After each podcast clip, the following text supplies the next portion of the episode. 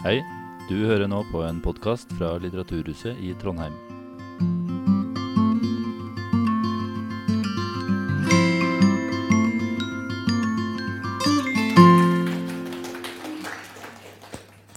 Tusen takk skal dere ha, og velkommen til frokostmøte her på Litteraturhuset i dag, i regi av Litteraturhuset og lærerutdanninga her i Trondheim. Eh, I dag skal vi rette blikket framover og sammen snakke om Trondheimsskolens framtid. Det blir en debatt om visjoner, vyer, fremtidsperspektiver, sett i lys av fagfornyelsen, som er det som det nye læreplanverket i den norske skolen kalles. Og det er mange nye begreper, av og til kan vi jo kanskje kalle det imperativer, i det nye læreplanverket. Eh, annet er det store ambisjoner om tverrfaglighet, helhet, eh, dybde, sammenheng. I tillegg er det kompetansemål, som skal være mindre detaljstyrende enn før. Etter planen skal skolene få større handlingsrom.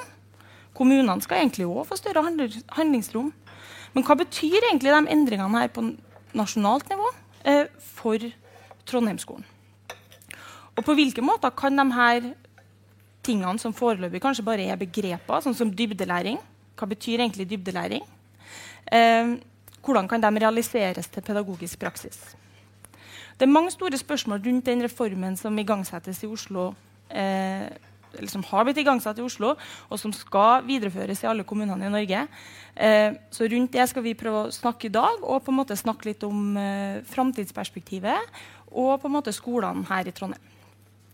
Med oss i panelet så har vi som ble nevnt tidligere, eh, Eva Elisabeth Belbo, kommunalsjef for skole i Trondheim. Geirmund Lykke, rett ved meg, leder av oppvekstkomiteen, bystyret. Og Inger Sagen Hasselø, helt borterst, rektor ved Huseby barneskole. Jeg heter Elise Farstad Djupedal. Jeg jobber på lærerutdanninga på NTNU, og jeg har jobba på Tora Storm, videregående, da, må nevnes i denne sammenhengen her. Og jeg må også si at jeg leder arbeidet med å lage nye læreplaner i samfunnskunnskap. Så jeg er ikke helt uh, uhilda i denne sammenhengen. Planen i dag er at vi holder på en drøy time her uh, på toppen. skal jeg si, Og så blir det spørsmål fra salen, og så runder vi av eh, før klokka ti. Det blir ikke pause underveis, så vet dere. Så jeg vil egentlig gjerne starte med å stille et spørsmål til hele panelet. Eh, Altså Fagfornyelsen som jeg sa innledningsvis her, den inneholder jo veldig masse. Eh, så jeg foreslår egentlig at vi starter med en runde der dere si noe om hva tror dere at reformen innebærer. Altså hva, hva mener du eller dere da, er de mest sentrale endringene eh, eller nyvinningene i fagfornyelsen? Altså hva med fagfornyelsen vil sette størst avtrykk i skolen, tror dere? Tør dere å svare på det? Ja, jeg kan starte, da. Ja, du kan starte. ja. Uh, jeg, tenker, jeg ønsker den uh, fagfornyelsen velkommen, fordi at den nærmer seg det verdisynet som vi allerede har i Trondheimsskolen, har hatt fra før. Uh, så, så, det overordnede verdisynet harmonerer med de lokale planene og de lokale ønskene som vi har for Trondheimsskolen.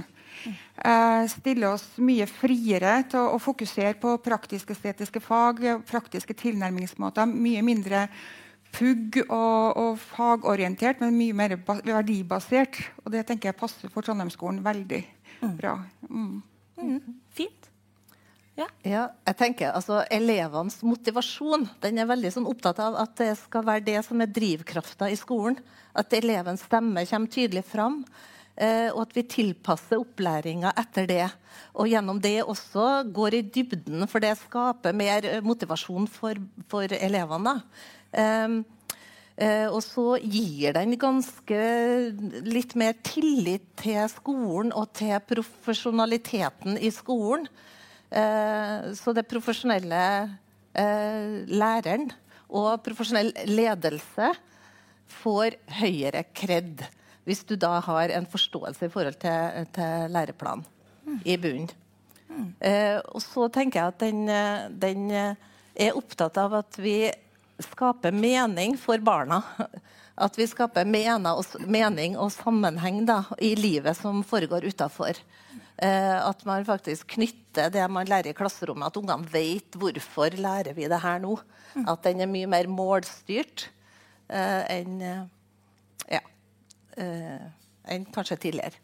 Ja, og mye mer eh, fokus på elevens stemme og medbestemmelse.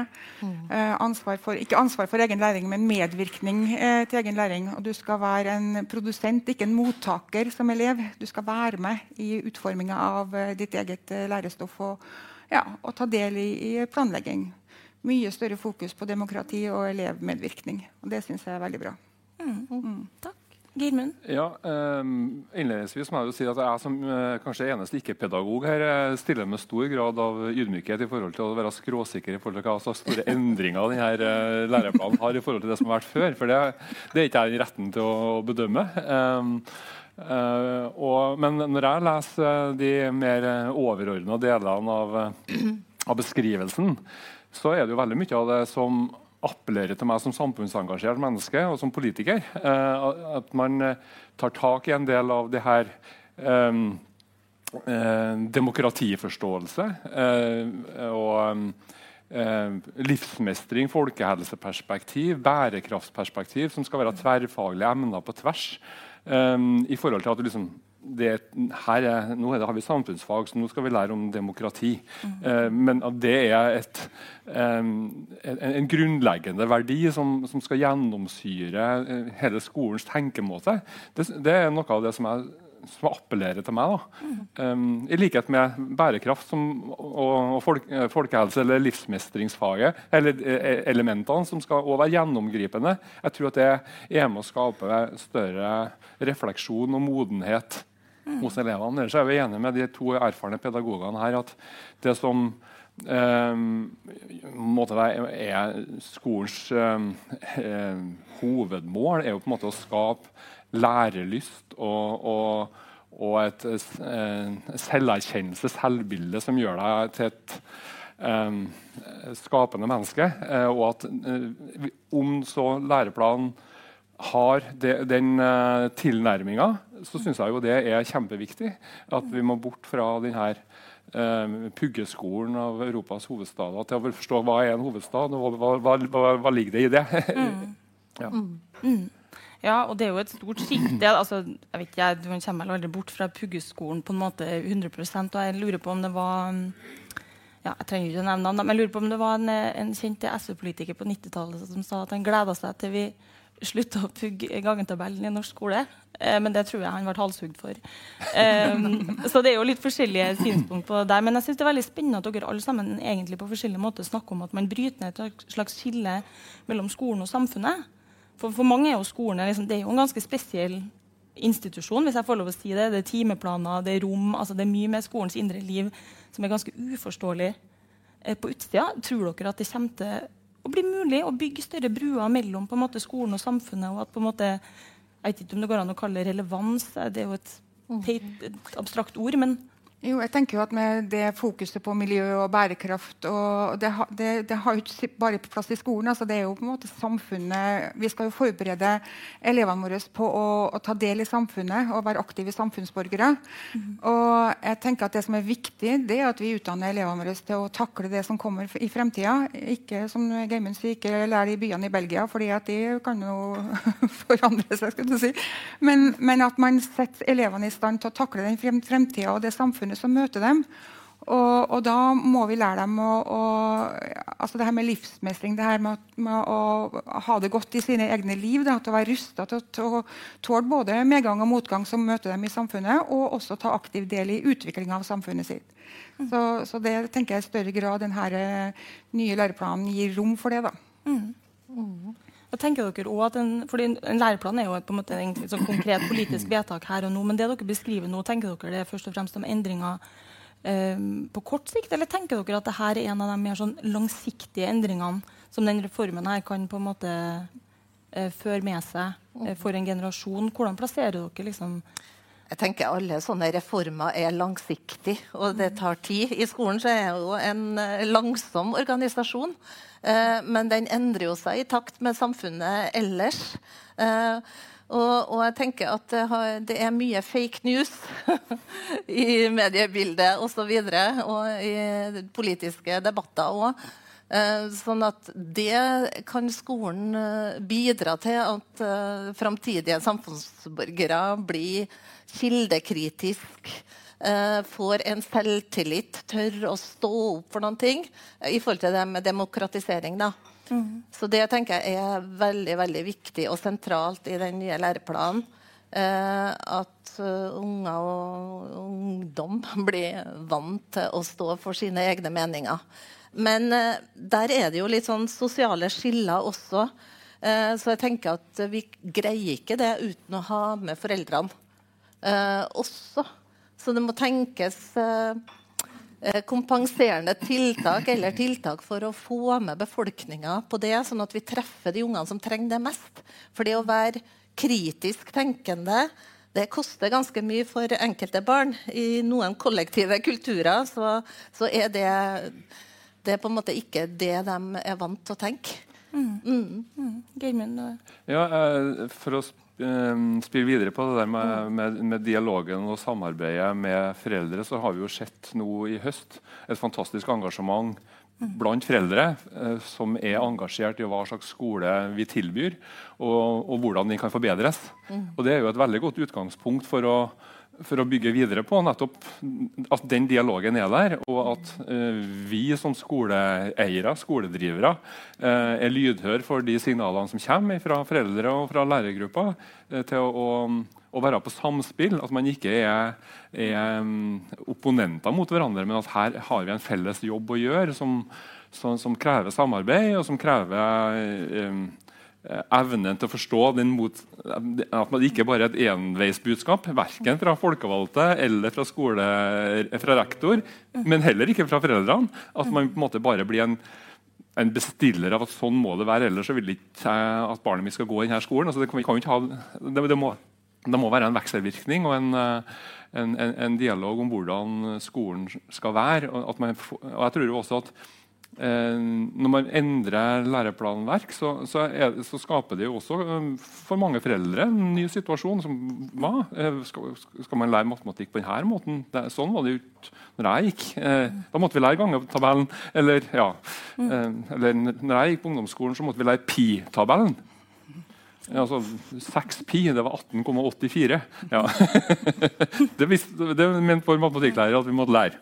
Og det, det, ja. Eh, og, og, det sitter fortsatt, da. men det, om jeg har noe mye nytte av det, det er jeg jo mer i tvil om. ja, men Det er interessant det dere sier. fordi En kritikk mot den reformen her, eller den er jo fremført av mange, den er også fremført av lærere for i høringsrundene, og den type ting, det er jo at man tar noen mener i hvert fall for mange skritt da, vekk fra faktakunnskapen. altså Samfunnsfag og samfunnskunnskap, da, som er de fagene jeg kjenner aller best. Kroppsøving andre faget mitt. Eh, så er f.eks. ordet FN er ikke nevnt i læreplanene. Mm. Eh, til mange store fortvilelse. Mens ordet menneskerettigheter det er nevnt. så fred være med det, men hvis vi kan ta andre ting da, EU er jo ikke nevnt, Nato er ikke nevnt. og Mange lærere har uttrykker bekymring for at vi på en måte um, går for langt da, vekk fra hva skal jeg si, nesten leksikon. Mm. Um, Faktakunnskap. Ja, og at det jo må jo ligge til grunn for veldig mye læring, og at det kanskje òg kan skape store ulikheter hvis vi relativiserer for mye. da. Mm. Jeg vet ikke hva dere tenker om det. Du står jo mest i skolen, eh, Inger. Ja. Nei, jeg tenker altså, At det fortsatt må være noe drilling i skolen. Og det er viktig å ikke gå for langt til ene sida heller. Eh, det er det fortsatt behov for. Mm. Så, men jeg tenker at det stiller store krav, og det er på en måte en tillit til at du er fagperson. Det er du som kan dette her. Eh, og hvis du kan faget ditt, samfunnsfag eller hvilket fag som helst, så, så, så klarer du å vurdere mm, hva er viktig. For det er målene på en måte som styrer i mye større grad hva du skal gjøre i klasserommet. Uh, og det er ikke noe mellomledd i de målene. Du må gå direkte inn i kompetansemålene i Kunnskapsløftet ja, Kunnskapsløftet 2020. Mm. Uh, og, og, ha en integritet som lærer og ledelse. Mm. Uh, og det må vi ha tillit til. Så det er ikke en instrumentell plan som gir en oppskrift på hvordan du skal gjøre det. Mm. Og det stiller større krav også da, til, til skolen som profesjon. Mm. Mm. Og kanskje til lærernes faglighet. Eller, jeg kjenner jo helt konkret i samfunnskunnskap, f.eks. på videregående, så er jo eh, eleven skal kunne definere hva kultur er. Det sto det faktisk før, og det var jo på en måte så avkrysning som man kommer. Og det er jo på en måte tatt vekk nå, og det er knytta mer til at man skal drøfte ting. Og det skulle man før òg, altså, men, men det er noen type ting som på en måte er tatt vekk. Men det vil jo ikke si at man ikke skal definere hva kultur er. Det vil bare si at det ikke er bestemt i Oslo. Eh, Ja, og så er det elevenes motivasjon, lærelyst, som skal ligge til grunn. Og hva er det som engasjerer den, de elevgruppa som er foran meg her? Har du et klasserom med et mangfold av elever, så har du en kjemperessurs til å gjøre den uh, opplæringa spennende. Eh, da har du hele verden i klasserommet. Så et mangfoldig klasserom i framtidas skole vil jo være en ressurs for å nå målene i læreplanen, tenker jeg. Mm. Og få inn mange perspektiver i undervisninga. Nei. Eva Elisabeth, du hadde en replikk, eller? Jeg tenker at Litt drill må vi ha. Altså For å lære seg å lese så må man lese litt hver dag. Det kan jo kalles pugging eller drill, men det må jo til. For du har erfaringa di fra barneskolen? Jeg har erfaringa mi fra både barneskole og ungdomsskole. Jeg har vært spespedrådgiver i min tid også, så jeg har spesialpedagog under huden òg. Så jeg tenker at denne gjentagelsen, den stadige gjentagelsen, den må vi ha. Og Den kan gjøres både på skolen og den kan gjøres hjem. Eh, å, det er sånne grunnleggende ferdigheter som må på plass for at man skal være i stand til å, å lære videre. Og så tenker jeg at det her med ja, Vi er tilbake igjen til, til det som jeg sa i sted. jo, altså, hovedsaken vår er jo er å gjøre elevene våre i stand til å finne den informasjonen som man trenger. Man trenger ikke nødvendigvis å ha pugget all, all informasjon. I dag eh, vokser jo eh, den nye generasjonen opp med mobilen i, i lomma. Den er nesten klistra til kroppen. Så du har muligheten til å finne informasjon eh, der du trenger den. Du trenger ikke å gå på, slå opp i en bok eller gå på et bibliotek eller uh, gjøre sånn som man gjorde før. Sant? Man har all informasjonen her. Og da er det øh, vår oppgave å, å, å, lære dem å være kritisk også, og kritisk bedømmende til hva man ser. Hva er fakta, hva er fake news, hva, hva, hvilke kilder kan jeg stole på? Og, og slike ting. Uh, og så uh, litt det som du uh, sa også, Inger, at det her med lærerprofesjonen jeg skulle ønska meg at man hadde samme tillit til lærere og lærers profesjon som man har til leger. Jeg tenker Man går ikke, man ligger ikke på sykehus eh, en måneds tid og så skal opereres, og så sier man til legen at nei, nå har jeg såpass erfaring med å ligge på sykehus at jeg tenker at du skal ikke operere meg sånn, men du skal operere meg sånn. Det skjer ikke, ikke sant? fordi vi har tillit til den profesjonen som den legen har. Mens i skolen så er det så veldig enkelt å komme inn, for alle har på en måte en formening om skole ut ifra sin egen skolegang og sine egne opplevelser. Og så, så tenker man at man er, eh, er meningsberettiga, og det er man jo også. Altså Som foresatte og som samfunnsborger så er man jo meningsberettiga.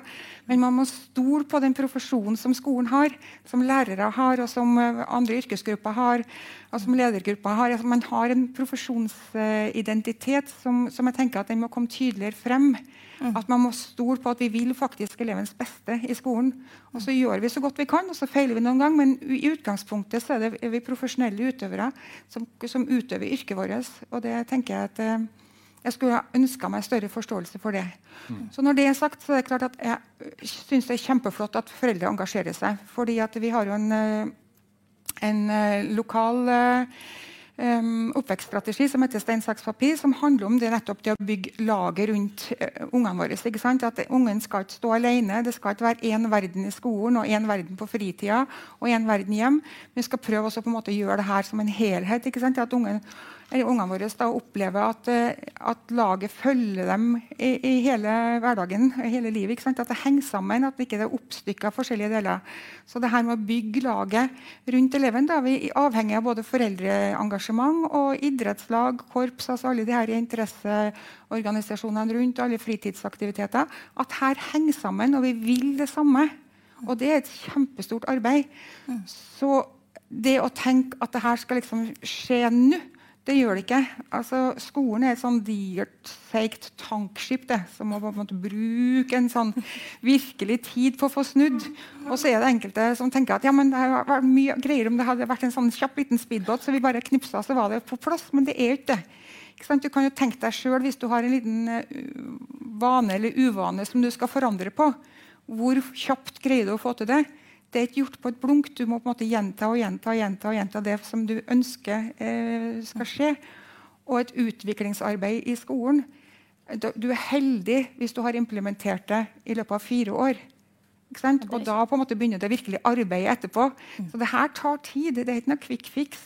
Mm. Ja, men det var, det var, spennende du nevnte det, for jeg lurer egentlig på om jeg skal spørre dere om det. fordi det er jo som vi ser i veldig mange saker på skolefeltet, men også på, på andre politiske felt, så er det jo veldig langt fra liksom, et departement i Oslo til liksom, Huseby, Bratsberg, Nyborg. Eh, så hvordan eh, har kommunen og skolene på en måte jobba med reformen så langt, og hva står på planen altså når korona kanskje ikke lenger er en del av hverdagen nå? For det er jo noe med at både koronareform og alt har kommet oppå hverandre eh, i skolen akkurat nå.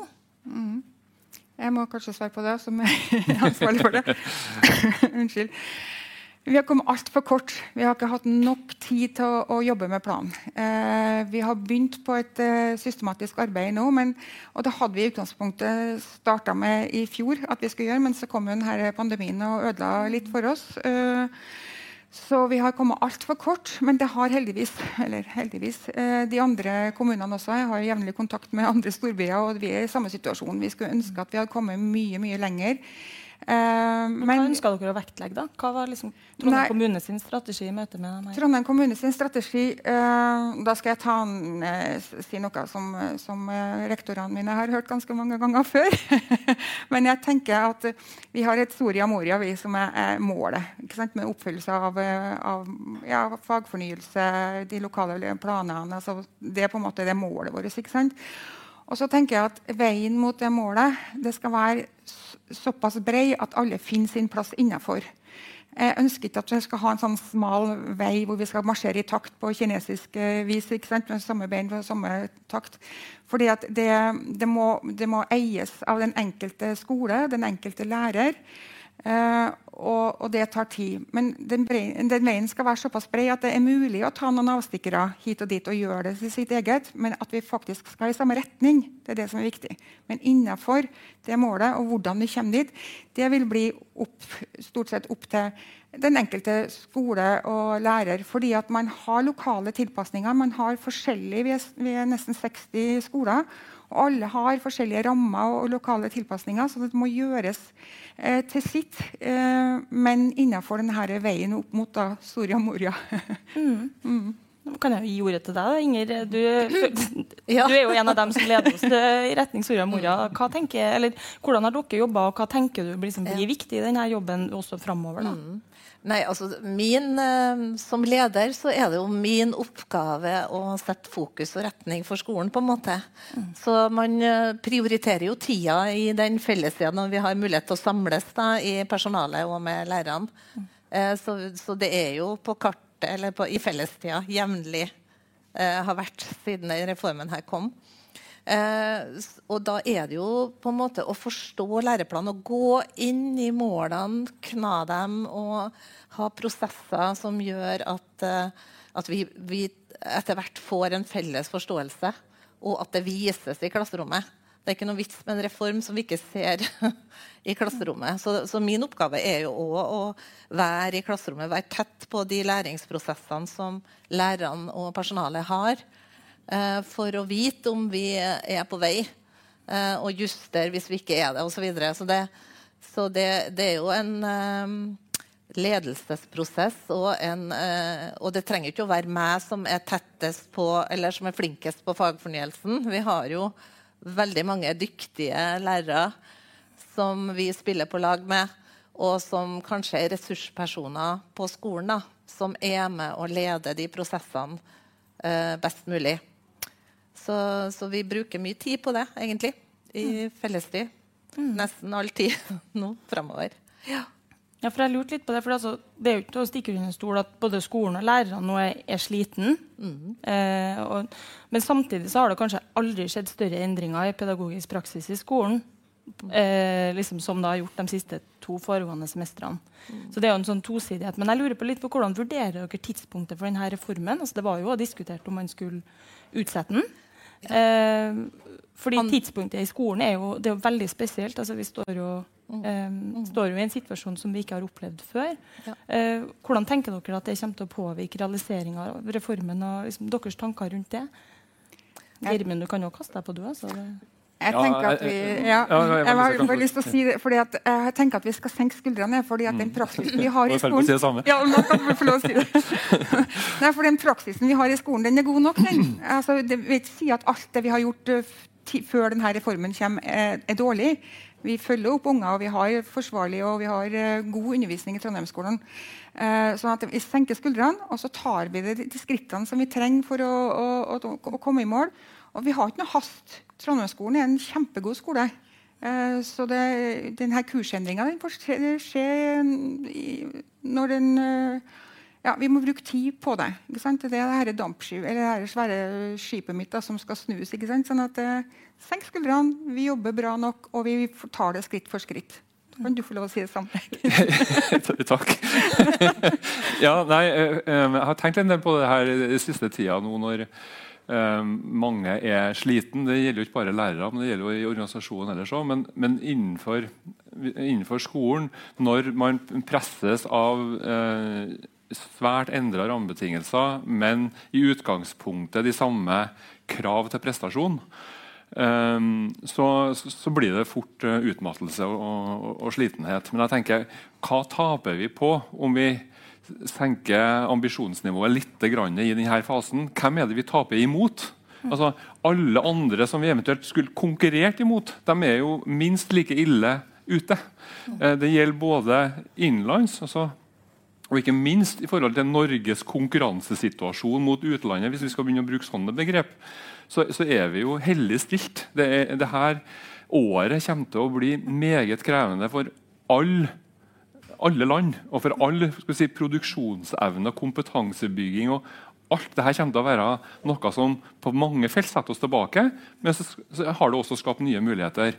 Og jeg tenker, Det må vi evne å um, si at ok, ja, det som var de overordna samfunnsmålene både for skole og andre i inngangen til 2020, dem må vi rett og slett si at kan, ingen kan måles imot dem i etterkant.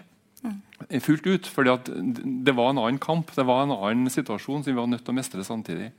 Så, uh, så det tenker jeg det gjelder også innfasing av denne uh, læreplanen. Man tar det man klarer, på toppen av og ved siden av det man har.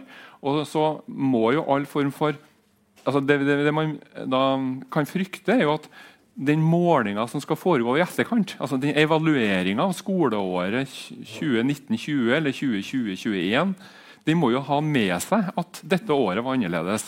Og at vi ikke kan konkurrere måte, eller Vi kan ikke uten videre sammenligne prestasjoner med tidligere år. Um, og, og, på den måten senke skuldrene. Men uh, Det betyr jo ikke at man ikke skal gjøre sitt beste, men innenfor de rammene som nå er. Mm. Ja, det er jo ganske, jeg tenker det er jo ganske sterke styringssignal. altså Dere er jo liksom eh, sjefene her. Og, eh, og si det dere sier eh, om den tida vi står i i skolen. Da, for det er jo en veldig spesiell tid. Og jeg tenker vi har jo eh, andre kommuner som jeg tenker drives på andre måter enn det dere sier nå. Vi hører mye om Oslo-skolen eh, knytta til i hvert fall det jeg har hørt, så sies det helt andre styringssignal fra toppen der om, om hvordan man skal eh, prester som lærer, eh, stå i skolen, levere på mål. Selv om det også jobbes med en kulturendring i Oslo.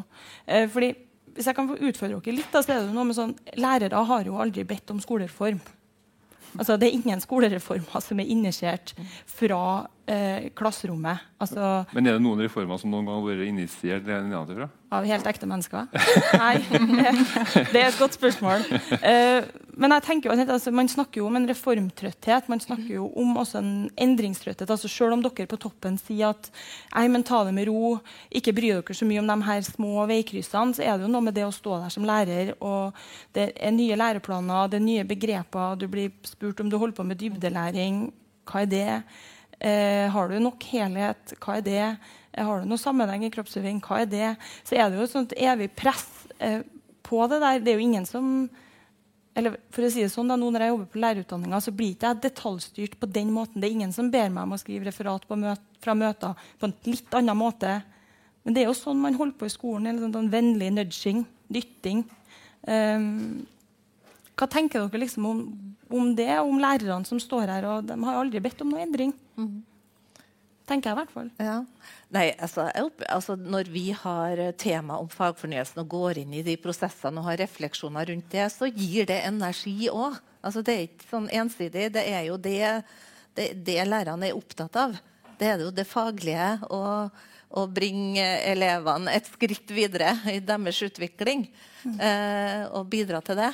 Så, så jeg tenker, Og den reformen er jo selvfølgelig Vi kan aldri planlegge livet utafor hva som skjer og hvilket trykk det blir på ulike ting. Men eh, alle endringer det gir jo også noe utvikling, da. Eh, hvis, og, og, den, eh, og, I forhold til det digitale for eksempel, så har jo det bidratt til en boost. Mm. Eh, akkurat det med pandemien. Selv om det ikke er noe vi ønsker i utgangspunktet for å være her. Så, så, er det jo noe sånne, sånne positive faktorer som bidrar. Og så har jeg opplever altså at, at, folk har veldig behov for å, å diskutere fag og reflektere uten Men kontrollregimet har man ikke bruk for. Man har bruk for tillit. Mm. Tillit og støtte. Gode støttesystemer som bidrar til å, og, gjøre det som, unger, eh, som, lærerne er opptatt av. Det å gjøre en forskjell i forhold til de barna de har i klasserommet. Mm. Mm. Hva legger du i det da når du sier gode støttesystemer? Hva tenker du mer spesifikt? Nei, da kan jo være ledelse. Kan jo være et støttesystem. Det kan være ressurspersoner i, i skolen som kan bidra for å løfte dem faglig. Eller det kan være spesped-ansvarlige som kan bidra til å Eller det kan være laget rundt BFT-systemer som, som støtter for at vi skal klare å nå målene til barna. Mm, BFT? Be, ja, Barne- og familietjenesten. Så jeg hun ja. Jeg tenker det er en reformtrøtthet, ja. Men jeg, jeg tenker at denne nye reformen egentlig, sånn som jeg har oppfatta signalene som jeg får tilbake, den er at den, den er heller en liten en lettelse for, hvert fall for uh, lærere som jobber i Trondheimsskolen. Fordi at det nærmer seg det, det verdisynet som vi alltid har hatt i Trondheimsskolen. Det her med praktiske, uh, praktiske arbeidsmetoder, det her med at alle skal lykkes, det her med på en måte kultursatsinga vi har hatt i skolen. Så det gir jeg tror at det gir større rom for lokale tilpasninger og større rom for den enkelte lærer å, å rigge sin egen undervisning innenfor denne da, veien til Soria Moria. Så tror jeg kanskje at eller ja, de signalene jeg har fått, at den ønskes velkommen. da. Um, ja. Mm, at den understøtter mye av den praksisen som er i skolen? fra Som, allerede, som vi allerede har i, i Trondheimsskolen. ja. Mm. Mm. Ja, jeg tror vi, uh, uh, Jeg tror ikke jeg fornærmer noen om jeg sier at i alle grupper av mennesker så er det jo noen som, er, som gjerne vil at det skal være sånn som før. Og så er det noen som alltid leter etter ting som, som kan utvikles. Altså, som trigges av at ting er i, i forandring. Og det ville forbause meg om ikke det også gjelder uh, rundt omkring på lærerværelsene. Um, men, uh, og noe av utfordringa for oss som, som, kommune, som kommuneledelse, uh, det er jo å hele tida um, skape rom for og trygghet til at forandring er nødvendig. Og forandring kan skje uten at det er en trussel, men at det er en mulighet. Og det, er, det der er en, et kontinuerlig behov, og noe av det som er aller viktigste for Trondheim kommune når vi ser tiårene framover, det er at alle ansatte må være åpne for å se behovet for å være endringsvillig. Mm. Uh, og jeg tror jo at Innenfor skolen så vil da det at det er en fagfornyelse, at det er rullering av fagplaner med jevne mellomrom som på en måte tvinger deg til å ta en liten endring og en gjennomtenkning, at det sånn sett er klokt. Mm.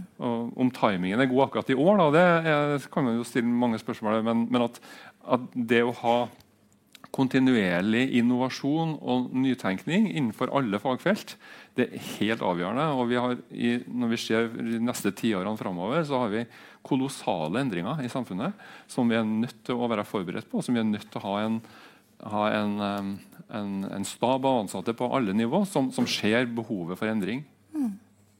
Ja, for jeg, jeg, tenker jeg vil liksom følge opp det. for jeg hørte eh, noe på en, eh, jeg hørt, eh, Det må jo sies å kunne være et rykte da, fra en nabokommune der man hadde utarbeida lokale planverk standardisert på tvers av alle skoler, på tvers av alle klasserom, som lærere hadde fått utdelt. Eh, og da eh, i hvert fall jeg tenkte, men jeg har jo vært med og laga denne planen, så jeg skal jo ikke på en måte sitte og hva det snakke for min syke mor. Men jeg, da tenkte jeg hvert fall at det var noe, i hvert fall ikke intensjonen. at det skulle, Jeg vet ikke, noen i kommunen, kanskje dere to da, skal, jeg vet ikke jeg det kan- jeg- det som skal gjøre det. Men, men fordi det er jo et standardiseringsspøkelse som på en måte ligger ba, både bak den reformen her, at det blir så mye lokalt planarbeid at vær så snill, kan vi bare omtrent kjøpe noe på internett eller få kommunen til å lage noe. Um, og det er jo også et slags Av og til tenker jeg at det er et, mm, man kan også gjøre det som en slags sånn bunnlinje, som en sånn faglig Eh, ikke trygghet, men som en sånn falsk faglig trygghet. Eh, slipper man å ta valg. Eh, hva tenker dere om den type praksiser? Er det noe som Trondheimsskolen skal gjenkjennes av? Eh, la meg få lov til å driste meg som ikke-pedagogen her. Det som, det som jeg har tenkt er at det, det er kjempeviktig at det er lokal eh, tilnærming til fordi at Skolesituasjonen på Huseby den er totalt annerledes enn den er på Berg på mange måter. Og Da er det gode grunner til at visse fagfordypninger skal være ulikt. Så å ha en standard for Trondheim det syns ikke jeg er klokt. Men så har jeg jo tenkt at når du skal utvikle det Nå, nå, nå, snakker amatøren, det erkjenner jeg. Men, men når du skal lage da, en fagfordypning, en dybdelæring på et tema ett sted, så, så krever jo det en systematikk og en dokumentasjon og en, eh, et rammeverk rundt det. En et kollegagruppe på en skole som skal lage det her.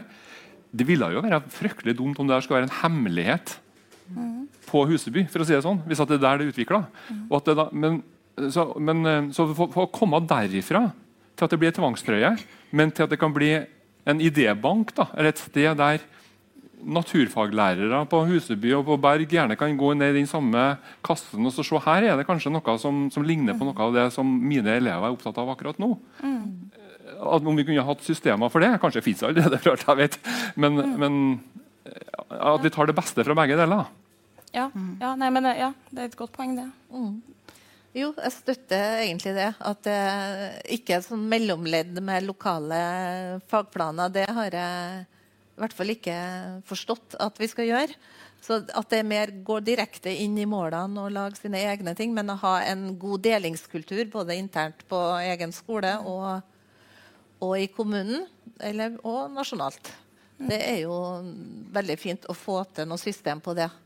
Mm. For alle sitter jo nå på sin odde og prøver å kna dette her. Eh, det her er nytt for alle, sånn at fasitsvaret er ikke der ennå. I hvert fall. Nei. Eh, vi har gjort det her før. Eh, når Kunnskapsløftet kom, vi, jeg vet ikke hvor mye tid vi brukte på å lage de her lokale planene og eh, mål etter første i alle fag og andre. Vi brukte uhorvelig lang tid på det. Og hva ser vi i ettertid? At det her er planer som ble liggende i en skuff. I, i, For da jobba man mer standardisert? Eller vil du da jobba liksom- man med mål. Ja, altså man hadde jo de her eh, eh, sentrale målene, men så skulle man bryte ned det her på lokale mål til, til, til sin skole. Da, ikke sant? Så hver skole satt jo og gjorde det her arbeidet sammen. og eh, Laga sine egne lokale planer og med mål etter hvert trinn i hvert fag. Og det tok tid. Det tok kjempemye tid og kjempemye fokus. Eh, Det gode med det, det var jo at du fikk knadd det i personalgruppa, og at måte, alle, alle jobba med fagene samtidig. Så det, det er jo et gode. ikke sant? Sånn at man har noe, noe felles eh, forståelse av hvor vår skole skal. da. Men, men jeg tenker også sånn som de to andre har sagt her, at vi må ha, vi må ha den veien så, så brei at man kan gjøre lokale em, tilpasninger. Og skolene er forskjellige, rammene er forskjellige for de forskjellige skolene. Og jeg tenker Den friheten du har som lærer er til å, å, utforme ditt eget eh, opplegg og gjøre det mye mer spennende også å være eh, lærer, istedenfor å på en måte være veldig standardisert. Jeg fungerer i hvert fall ikke så veldig godt når alt samt er eh, standardisert og bestemt på forhånd. Jeg tenker at Den friheten må vi, må vi sette pris på som eh, lærere. og også andre yrkesgrupper innen skolen. For jeg ønsker også andre yrkesgrupper velkommen inn i skolen. Eh, for vi har stor kompetanse utenfor akkurat lærerprofesjonen. Eh, men eh, mitt, eh, mitt oppdrag da blir jo på en måte å sette rektorgruppa i stand til, og, og at vi er, sammen er enige om hva de her målene for Trondheimsskolen skal være.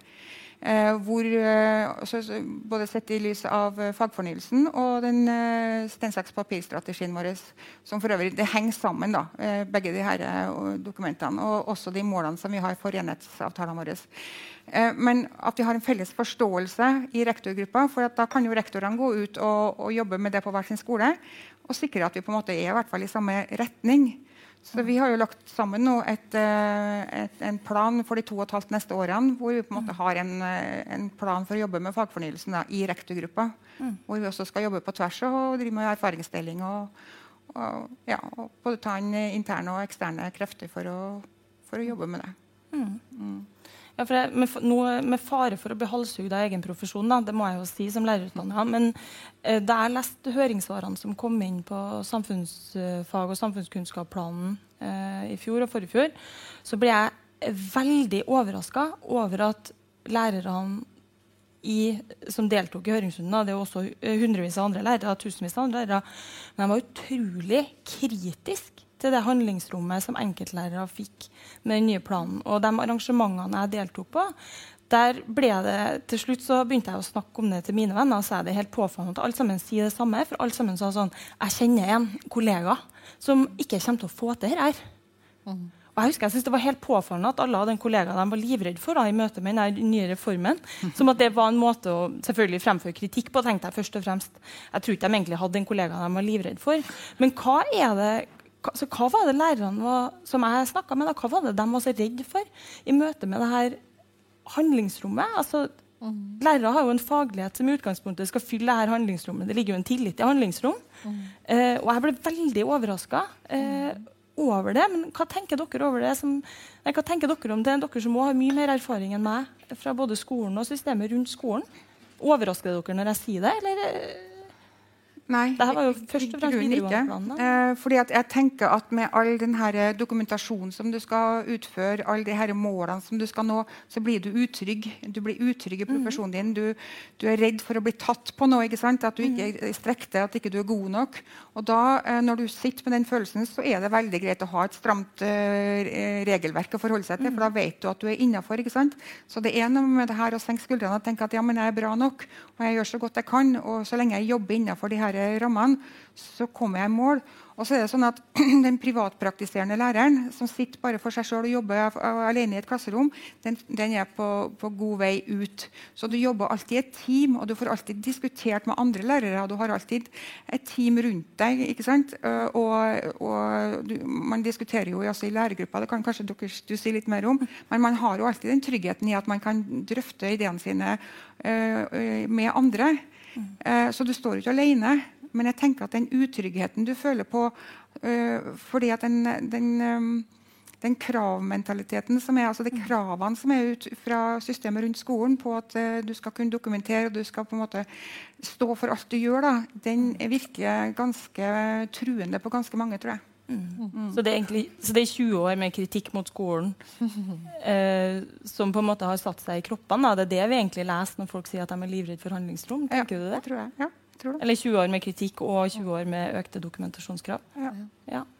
Jeg skal spørre deg etterpå hvordan vi kan gå videre fra det. Da, for det er jo litt spennende. Hvordan kan vi gjenskape den tryggheten? Det tenker jeg jo er viktig for en hel profesjon. Eh, men jeg kan gi ordet til deg, Inger, mm. først. Du... Nei, jeg tenker sånn På barnetrinnet så er det ulikt hvor mye kompetanse man har i de enkelte fagene som lærer, fordi at du skal serve alle fag. Mm. Eh, og det har jo vært en lang periode der basisfag har vært prioritert i videreutdanning Og, og da tenker du på matte? Norsk, eh, matte, norsk eh, ja, engelsk eh, fortrinnsvis. Mm -hmm.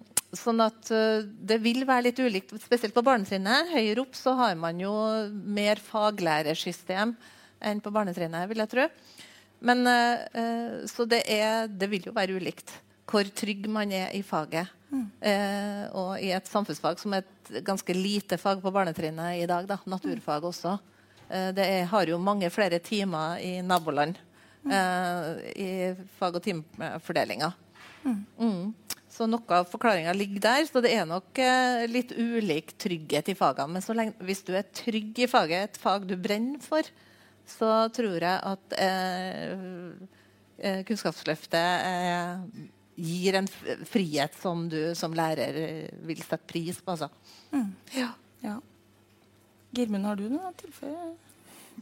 Nei, akkurat det her tror jeg overlater til Men da kan jeg stille, et, kan jeg stille et annet spørsmål. Ja, hvis jeg følger opp på det Eva Elisabeth sier, altså det med at, at lærerne, kanskje noen i hvert fall, kjenner på en grunnleggende utrygghet som kanskje har kommet av lang tids mistillit og dokumentasjonskrav. Og jeg tenker Det er jo en ganske, det er ganske tydelig bestilling da, til kommunen om hva man må jobbe med overfor denne profesjonen. Eh, hva tenker du det er viktig å å gjøre der. Altså for å på en måte styrke profesjonen i å bli trygg på egen faglighet, trygg på egne valg. At det er helt greit at du f.eks. ikke har tre måneder om andre verdenskrig på ungdomsskolen. Det fins andre kriger, med fare for å sende ut den brannfakkelen. Eh, hva tenker du er viktig at kommunen liksom legger vekt på der?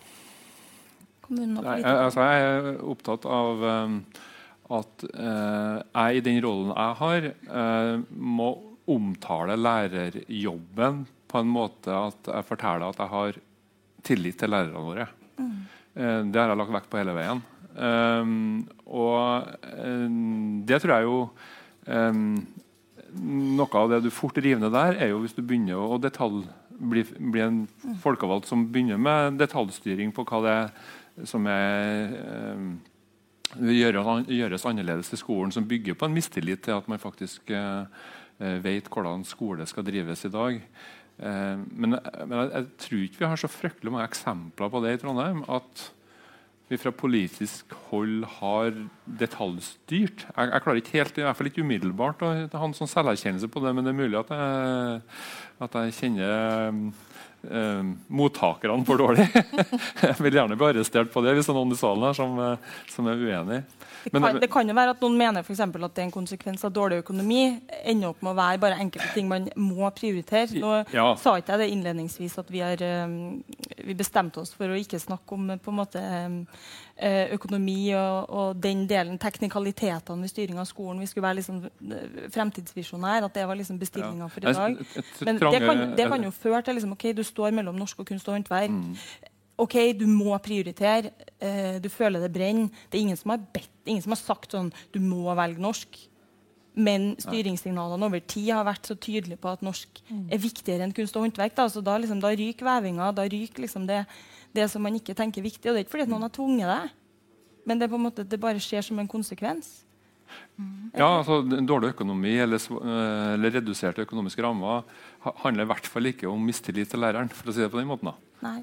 Eh, men det handler om eh, andre politiske valg, eh, lokalt og sentralt, mm. som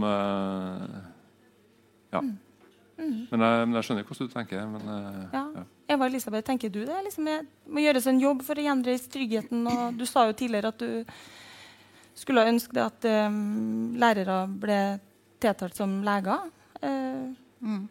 Ja, vi har en jobb å gjøre. Uh, men når Geirmund sier at vi ikke er så politisk detaljstyrt, så er vel vi egentlig den byen som eh, i hvert fall i, i, dialog med mine andre, eller de andre kommunalsjefene rundt omkring i de store byene, så er vel vi den byen som er mest detaljstyrt av samtlige. Så det kan vi nå ta opp en annen gang. Mm. Ja. Men, uh, Sammenligna med alle kommuner eller store kommuner? Hvem er det Storbykommuner. Storbykommuner ja. Oslo, Bergen. Så er vi, sånn. vi er ganske detaljstyrt. Det, ja. Men det tenker jeg, det er jo et signal på at politikerne våre de, de engasjerer seg i skolen og er interessert i skolen. og de, de ønsker å forbedre skolen. Mm. Og så er det på en måte hvilken, hvilken, måte vi skal gjøre det på, det må vi finne ut av sammen. Mm. Uh, så, så, jeg setter jo pris på at man har et stort engasjement for skolen. Uh, det, det gjør jeg. Eh, hva vi kan gjøre for å trygge lærere? Jo, um, altså jeg tenker at ingen uh, altså De som ønsker å bli lærere eller jobbe med barn og unge, de må like barn og unge. Det er ikke et yrke som du tenker at du skal gjøre en uh, lynkarriere, du skal tjene mye penger altså ha, Det er ikke de måte, insentivene som gjør at du vil bli lærer eller barne- og ungdomsarbeider eller vernepleier eller jobbe med, med, barn og unge. Det er et ønske om at du skal gjøre en forskjell og på en måte bringe frem den kommende generasjonen. Da. En sånn idealistisk tilnærming til yrket tror jeg at de aller, aller fleste har. Og da må du, da må du like unger. ikke sant? Og så tenker jeg at Når du har det engasjementet og, og ønsker å utgjøre en forskjell, da, så må du jo gå i deg sjøl. Og så tenker jeg at jeg strekker jeg til Og hvis du tenker sjøl at nei, men jeg er utrygg på ditt og datt, jeg strekker ikke til, da er det jo på en måte ditt eget ansvar å søke kompetanse. For vi har etterutdanningstilbud, vi har videreutdanningstilbud, eh, vi har muligheter for å delta i nettverk, vi har muligheter for å utvikle oss. Um, Sånn at eh, jeg tenker Det å, å, å, ta ansvar for sin egen utrygghet også, det må man jo også gjøre. ikke sant? Og så må jo vi på toppen også legge til rette for at man eh, har gode systemer. da, sånn at Hvis man følger de her eh, byråkratiske løyper og de her veilederne vi har, og de her uh, føringene vi har på det området, så, så, er man i, i, havn. Da har man på en måte gjort det godt nok. Uh, sånn det er jo vårt uh, oppdrag så å si, å legge de her føringene og legge de her dokumentasjonene og, og lage de her systemene sånn at det er godt nok. Og det, vi jobber jo tett sammen også med Fylkesmannen som er på en måte klageinstans, for å, for, å, gjøre nettopp det. For å trygge alle sammen at har du, har du fullt, oppfylt de her kriteriene, har du gjort det her arbeidet, så er du, da kan du senke skuldrene. Da er du i havn. Eh, tenker, Men Der må jeg jo stille et spørsmål om alle de her systemene fører dem til økt trygghet? Eller er det systemer som også bidrar til utryggheten, nettopp fordi man føler at liksom, okay, det må være tidenes byråkratiske sikkerhetsnett under meg for at jeg skal kunne gjøre jobben min? Ja, eh, og til dels har du rett i det, for vi har vel 13 000 eh, planer og, opplegg som ligger på kvaliteten vår. Så det å holde seg oppdatert til enhver tid det er også skummelt. ikke sant? Du, du, har jo ikke muligheten til å ha det. Men vi som sitter på toppen her, vi må jo bare sikre at vi har gode nok systemer da, til at det ikke blir vanskelig å følge dem, og til at man på en måte føler at når vi har eh, kryssa ut de her sjekkpunktene her, så er vi innafor. Mm. Og da er resten av handlingsrommet mitt. Mm. Og det er på en måte det å kunne dokumentere hva du har gjort. Bare, så det er egentlig ikke veldig vanskelig i, i praksis hvis du, hvis du, innfører det som en rutine. Eh, men, men, det er skummelt hvis du ikke har oversikten. Og det tror jeg det er mange som ikke har oversikten for hva er det som er godt nok. Mm. Inger, du er jo litt tettere på det her. Hva, hva tenker du? Uh, nei, Det er jo et stort krysspress i skolen. Men jeg tenker at vi i ledelse på en skole har jo et stort ansvar her da, for å være støtte, et godt støttesystem rundt læreren, sånn at læreren får gjort den viktigste jobben mot elevene, mm. og at energien brukes der. Sånn at uh, andre saker som, som, vi kan ta av skuldrene fra lærerne, det prøver vi å bidra til at uh. Mm, Å lage et godt støttesystem rundt lærerne. Sånn at de får konsentrere seg om det faglige og det de brenner for inn mot barna og foreldre. Mm. For det ble jo liksom sagt nå at Du er jo rektor i en av de mest detaljstyrte kommunene i Norge. Ja. Jeg lurer litt på eh, altså, fordi, Hva er detaljstyring? Det er jo ja. samme som sånn når man diskuterer målstyring og også New Public Management. Eh, hva konkret er det, og hvordan viser det seg? Men er det liksom, er det Tenker du noen gang at det er deler av denne detaljstyringa som du kunne vært foruten? Altså Er det noen ting du gjerne kunne ha kryssa vekk? Ja, altså jeg tenker at det er ofte sånn eh, politisk styring da, så kan det være veldig sånn kortsiktige prosjekter som krever store organisatoriske vil endringer. Vil du gi oss noen eksempler på det? så vi henger med? F.eks. gratis kjernetid til SFO. Ja. Det var jo sånn, det var for, e, for ett år i gangen sant, til, til, å starte, til å begynne med. Og det krever en betydelig endring organisatorisk. Ehm, det at vi er på ulike bygg eh, i, i, videre, i en interimfase, krever betydelige organisatoriske eh, og, og, endringer og, og ledelsesstrukturer. Eh, endringer på det. Så det er mange sånne avgjørelser som man eh, som man tar, som jeg skjønner at det er nødvendig. Men uh, samtidig da, det å tenke langsiktig og det å forstå skolen som organisasjon. Hva innebærer det her? Eller lytte til skolen sjøl. Mm. Spør litt mer uh, før beslutninga tas. Det er jo noe som man ønsker seg. fordi at uh, kortsiktige politiske prosjekter det kan være på kort sikt bra for å få en sånn ja, boost, endring, noe man ønsker. Prøve ut ting. Men så er det, hvis det her er, viser seg å ha godt resultat, så er det det å finne langsiktige løsninger for ting som krever mye. Det, mm. det, så, så, det er jo mye krysspress på skoler. Eh, forventningspress både fra foreldre, politisk, rådmannsnivå, og det er jo det vi lever med.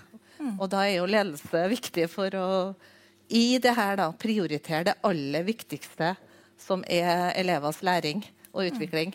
mm. faglig og sosialt. Så, så, det å holde fokuset på det og finne støttesystem som bidrar til å holde fokuset på det, er på en måte det som vi sammen må bli flinkere til da, i framtida, sånn at skolene bruker energien på de riktige tingene. Mm. Opplever du det ofte som vanskelig altså Opplever du styringssignalene som motsetningsfylt, sånn at du ofte står i vanskelige dilemmaer f.eks. overfor lærerne, hva de skal gjøre, hva de skal prioritere, hva dere skal gjøre sammen som team da, overfor elevene? Eller opplever du at det dras i samme retning? eller... Eh, begge deler. Altså, det er jo krysspress òg, og det, det, er jo mange i et system rundt en skole mange aktører. Uh, og den ene kanskje ikke vet hva den andre gjør, sånn at det kan komme motstridende forventninger og undersøkelser osv. Så, videre. så det er jo hele tida en balanse om hva bruker vi tida på. Hva sier vi ja til, hva sier vi nei til, osv. Så, videre. så det er jo det vi må, må nok leve med mye av det framover òg. Men mm, det å bidra til å ha fokus på de viktigste tingene mm det og støttesystemer som bidrar til det, tenker jeg er viktig. Mm. Og i forhold til ny læreplan da, så tenker jeg det er veldig mye sånn utforskende metodikk som er fremheva i den. Og det å øve seg på ferdigheter i forhold til å stille gode spørsmål for å bringe prosessen videre hos lærere, hos ledelse osv. Som vi har starta med i Heimdal. Der sitter jo eh, noen fra Heimdalsnettverket forhold til profesjonelt læringsfellesskap, sånn som vi har starta med Morten og med flere i bresjen. Eh, det har jeg veldig tro på. Eh, og det er jo heller ikke noe sånn helt nytt, men det er å gå inn i hvilke type spørsmål stiller man for å bringe prosessen videre. Eh, egentlig. Kort mm. forklart. Og, og i fellesskap hjelpe til å utvikle hverandre. Mm. Mm. Ja, og det der, jeg husker da, det var, da denne reformen var på en måte på trappene, det var kanskje i 2015-2016, så snakka jeg med en eh, daværende kollega av meg på Tora Storm, som eh, hadde jobba noen år i skolen, og som sa det at det mest fantastiske med den nye reformen det er at jeg kan ta fram alle permene mine fra M87. Ja. eh, men der det var veldig mange store Hun nevnte bl.a. et sånt gigantisk samarbeid mellom noe norsk og dramagreier. som Hun sa at hun husker ikke hvor mange timer hun hadde brukt på det. Hun sa liksom en halv høst. Men som veldig fort hadde blitt utrolig upopulært. Men hun sa liksom kanskje endelig nå så er det tid for å realisere ja. noen andre ideer om skole som hun i hvert fall opplevde at det ikke hadde vært sånn veldig klima for, mm. å, for å, sette ut i livet da, eh, i 25 år. Mm. Mm. så det syns jeg var litt interessant. Eh, før vi avslutter her, så vil jeg gjerne utfordre dere på et siste spørsmål. og det er eh, Hvordan tenker dere at eh, skolen i Trondheim i 2040 og 2060 for eksempel, ser annerledes ut enn dag? Eh, noen hevder jo at skolen aldri endrer seg. Jeg mener det er en grov feil. Mm. Eh, men det er jo også et tankskip. da. Det skal vi Eva Elisabeth eh, liksom, ti poeng for å si. Men hvordan tenker dere skolen om 20-40 år skiller seg mest fra den vi har i dag? Mm. Tørs dere? Skal jeg amatøren få lov til å starte? Ja, det her filmes jo, så vi kan ja, ikke sant? Nei, jeg får lov til å kaste inn eh, litt politikk, da. Ja. Um, så er det vel ikke noe, noe, hemmelighet at vi fra KrFs side har vært ikke vært noen tilhenger av innføringa av uh, førsteklassen på skolen med, for seksåringene. Og nå vi jo, får vi jo en, eh, etter at KrF har bedt om det, har fått flertall for at det nå skal evalueres dette første året. Mm. Som kom i 97. Som kom faktisk snart 25 år siden. Ja. ja. Og de første har jo for lengst gått gjennom eh, skolen. Eh, og etter det jeg forstår, så har ikke prestasjonene ved utgangen av det tiende skoleåret blitt noe nevnverdig bedre enn det var etter dem som gikk ni år på skole. Så man kan jo lure på hva er det da vi mista underveis her? Uh, og når mange peker på de utfordringene som veldig mange skolestartere har, særlig de som er født sist på året, mange gutter uh, særlig grad, uh, overhyppighet av ADHD i forhold til tidligere, det er mange spørsmål som er kasta inn i denne problematikken. Jeg føler at er, jeg er veldig glad for at dette nå blir evaluert, og at vi kan ha et kritisk søkelys på det og se etter om hvordan innfasinga, den gode overgangen fra barnehage til skole, hvordan den skal skje, og hvordan det første skoleåret skal rigges. Jeg tror vi er nødt til å gå tilbake til hvordan pedagogikken egentlig var tenkt eh, da den reformen kom, men som da barnehagelærerne jo skulle være med og forme dette første skoleåret. Det forsvant jo etter veldig kort tid med neste reform. Eh, og nå tror jeg det det håper jeg i hvert fall at vi har fått gjort noe med framover mot 2040. Ja, men Det var en spennende start på runden. da, vil jeg Ja. si. Kanskje vi har uh, niårig skole, eller i hvert fall et annerledes uh, eh, førsteår. Uh, det var jo tenkt annerledes enn det ser ut i dag, men eh, vi får se. Eva Elisabeth, hva tenker du? Ja, ut, eh, ta tak i det som uh, Geimund sa. litt. Vi er jo nettopp eh, tilbake til å rykke litt tilbake til start nå, da, med et, et pilotprosjekt som vi har som heter Bedre skolestart. Som handler om å ha et felles barnehage-skoleår det året du fyller seks år. For jeg tenker at um, Kvaliteten på barnehagene i Trondheim er også veldig veldig god. Og vi har profesjonelle uh, yrkesutøvere der som, eh, som lager veldig gode barnehager. Og kanskje har man godt av å være litt lenger i barnehagen enn å komme i det skolske. Um, men I 2040 så så I 2040 så, så har vi en glidende overgang hvor uh, alle begynner på skole når, det er, når de er klar for å begynne på skole. Fordi at det er Man er forskjellig modningsnivå. Man ser at uh, i, i første klasse for eksempel, nå da, så har man et sprik på fire år i modenhet. Noen ligger langt foran modenhetsgrad på seks år, og noen ligger langt etter. Så man har sånn et generelt sprik på tre-fire år der. Så da tenker jeg at i 2040 så, så kan vi ha et system som gjør at ungene begynner på skole når de er forberedt på, det, og at vi har gode samarbeidsformer mellom barnehagepedagoger og pedagoger i, i skolen. Og så håper jeg at i 2040 så har vi nådd Soria Moria. Vi har nådd de her målene våre, eh, hvor alle har hvor alle elevene våre får eh, realisert potensialet sitt og opplever å lykkes på, på et eller annet felt. Om man ikke lykkes eh, i teorifag, så har man noen praktiske fag, man har noe kunstfag. Altså Man opplever at man lykkes og blir på en måte verdsatt da, for den kompetansen man har. Og så trenger ikke alle sammen å være enere, men man må være god nok. Og så må det være bra nok å være god nok òg. det er en bra avslutning. Det. Da gir jeg ordet videre til Inger. Hva tenker du? Eh, jo, jeg tenker at eh, altså, Da ser vi i klasserommet at de her bæ eh, bærekraftighet, demokratisering, folkehelse, livsmestring Da ser vi at det skjer i klasserommet eh, hver dag. Eh, barna har eh, skolemåltid som en selvfølge. Varmmåltid. Det er folkehelse. Det er bevegelse i klasserommet. Det er variasjon i metoder. Det er utforskende opplæring. Eh, det er er lærere som kan faget sitt, eh, som er trygge i faget, og som ser sammenhenger med livet utenfor skolen. Og, og som bidrar til at det blir sam samfunnsengasjerte mennesker i klasserommet som tør å stå for sine meninger, eh, og som er trygge. Eh, ja. og, og det fysiske klassemiljøet, læringsmiljøet òg, det er prega av likeverdighet og mangfold. Det er en selvfølge og normalt at det er et mangfold i klasserommet.